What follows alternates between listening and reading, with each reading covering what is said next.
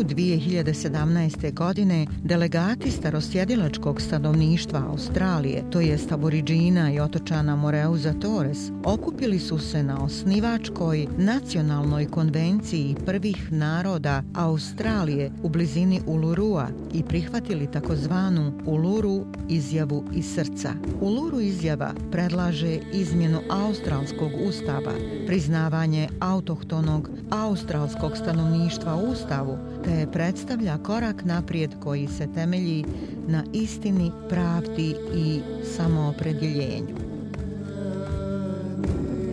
Mi koji smo se okupili na nacionalnoj ustavnoj konvenciji 2017. godine, dolazeći sa svih tačaka južnog neba, sastavljamo ovu izjavu iz srca.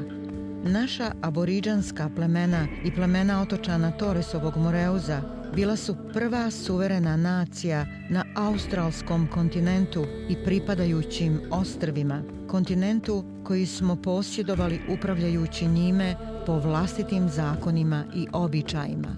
To su naši preci radili na osnovu iskaza iz naše kulture, svevišnje kreacije, na osnovu običajnog zakona zvanog od pamti vijeka i na osnovu naučnih činjenica još od prije 60.000 godina. Ovaj suverenitet ima duhovnu konotaciju, veza između zemlje ili kako bi drugi rekli majke prirode i predaka, te aboričanski narodi i narodi otočja Toresovog prolaza koji su se od tada rađali, koji odavde vuku porijeklo, da se jednoga dana moraju vratiti da bi se ujedinili sa svojim precima. Ova veza je osnova za vlasnika zemlje ili još bolje suvereniteta. Ova veza nikad nije bila priznata ili ugašena i koegzistira sa suverenitetom krune. Kako bi moglo biti drugačije?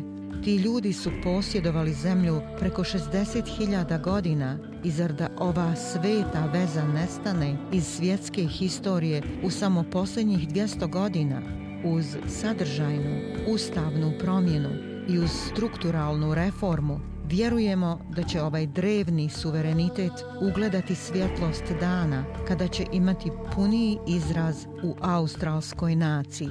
Proporcionalno, mi smo nacija koja ima najviše zatvorenika na planeti. Mi nismo urođeno kriminalan narod. Naša djeca su otuđena od svojih porodica u neviđenom broju. Ovo ne može biti zbog toga što mi nemamo ljubavi prema njima. I naša omladina čami u pritvoru u sramotnom broju. Oni bi trebali biti naša nada u budućnost. Ove razmjere naše krize jasno upućuju na strukturu prirode našeg problema. Ovo je muka naše nemoći. Mi tražimo ustavne reforme koje će omogućiti našim narodima da zauzmu pravom zasluženo mjesto u svojoj zemlji. Kad mi budemo u mogućnosti da kreiramo svoju sudbinu, naša djeca će procvjetati. Oni će koračati kroz dva svijeta u kojima će njihova kultura biti poklon njihovoj zemlji. Mi zahtjevamo da se glas prvih naroda uvrsti u ustav.